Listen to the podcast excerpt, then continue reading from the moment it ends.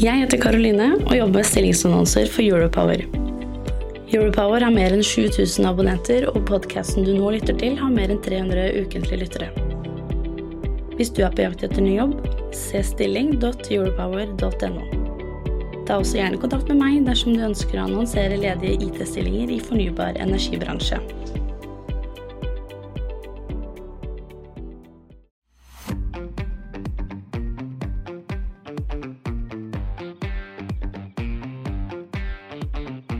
Hei, velkommen til eh, Europowers strømmarkedet på tre minutter.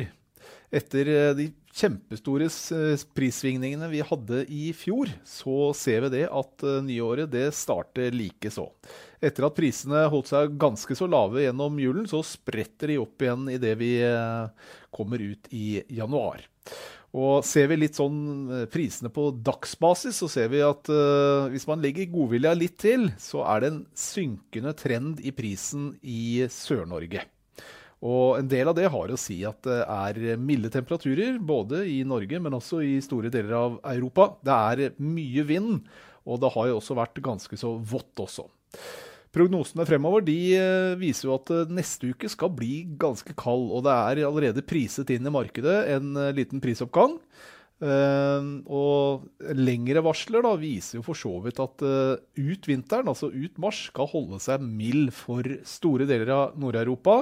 Og februar også så ligger det inne et lite, lite vått element i tillegg. Sånn at uh, det skal gå godt med iallfall den norske ressurssituasjonen, og sannsynligvis er det med å holde prisene nede. En annen årsak til at prisene holder seg godt nede, er gassprisen. Det er en ganske sidelengs utvikling nå den siste tiden, men det er altså på lave nivåer, iallfall det vi har sett det siste året. Den går og, prisene cruiser rundt det som er da den laveste prisen på ett år. En årsak til det er godt fylte gasslagre. Det milde været i Europa gjør at eh, gassbruken er lav. Og det har faktisk eh, siden før jul og fram til nå vært en økning i de tyske gasslagrene. Og Tyskland har altså de største gasslagrene i Europa, og den ligger nå på 91% fylling i midten av januar. Sum for EU er omtrent 82% fylling, og det er nok eh, godt over det som er normalt for eh, årstiden. I norske vannmagasiner derimot så starter vi året med en bedre fyllingsgrad enn det vi gjorde i starten av året i fjor. Og det er eh, Østlandet, Bergen og Nord-Norge som er med å trekke opp her. Der ligger altså fyllingsgraden over det som er normalt. Mens uh, Sør-Vestlandet og Midt-Norge de er under normalt. Og det er jo Sør-Vest-Norge som har de største magasinene, og det er også det største underskuddet kan man si, i forhold til det som er normalt. Og Denne uken her sånn, så hørte vi også at i Sverige så går de mer drastiske tiltak til verks for å bygge mer kjernekraft. Regjeringen eh, foreslår nå for Riksdagen å fjerne en del regler som setter hindringer for bygging av ny kjernekraft. Og Det som eh, skal prøve å fjernes, det er eh, forbudet om å bygge kjernekraft på andre steder enn der hvor det allerede er kjernekraft.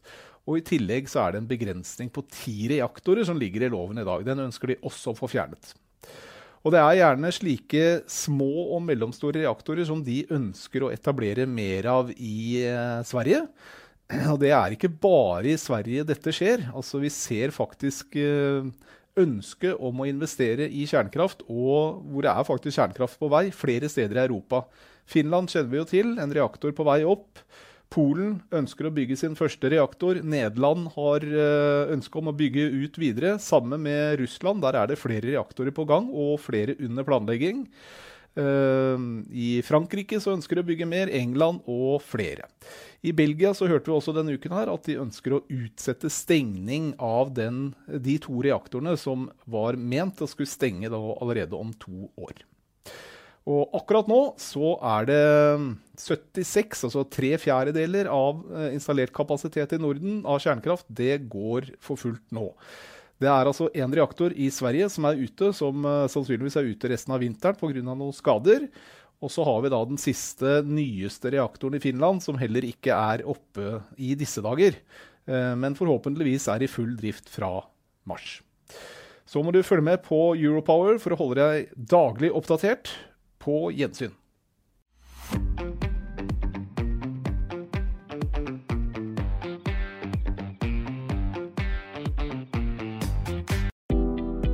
Jeg heter Karoline og jobber med stillingsannonser for Europower.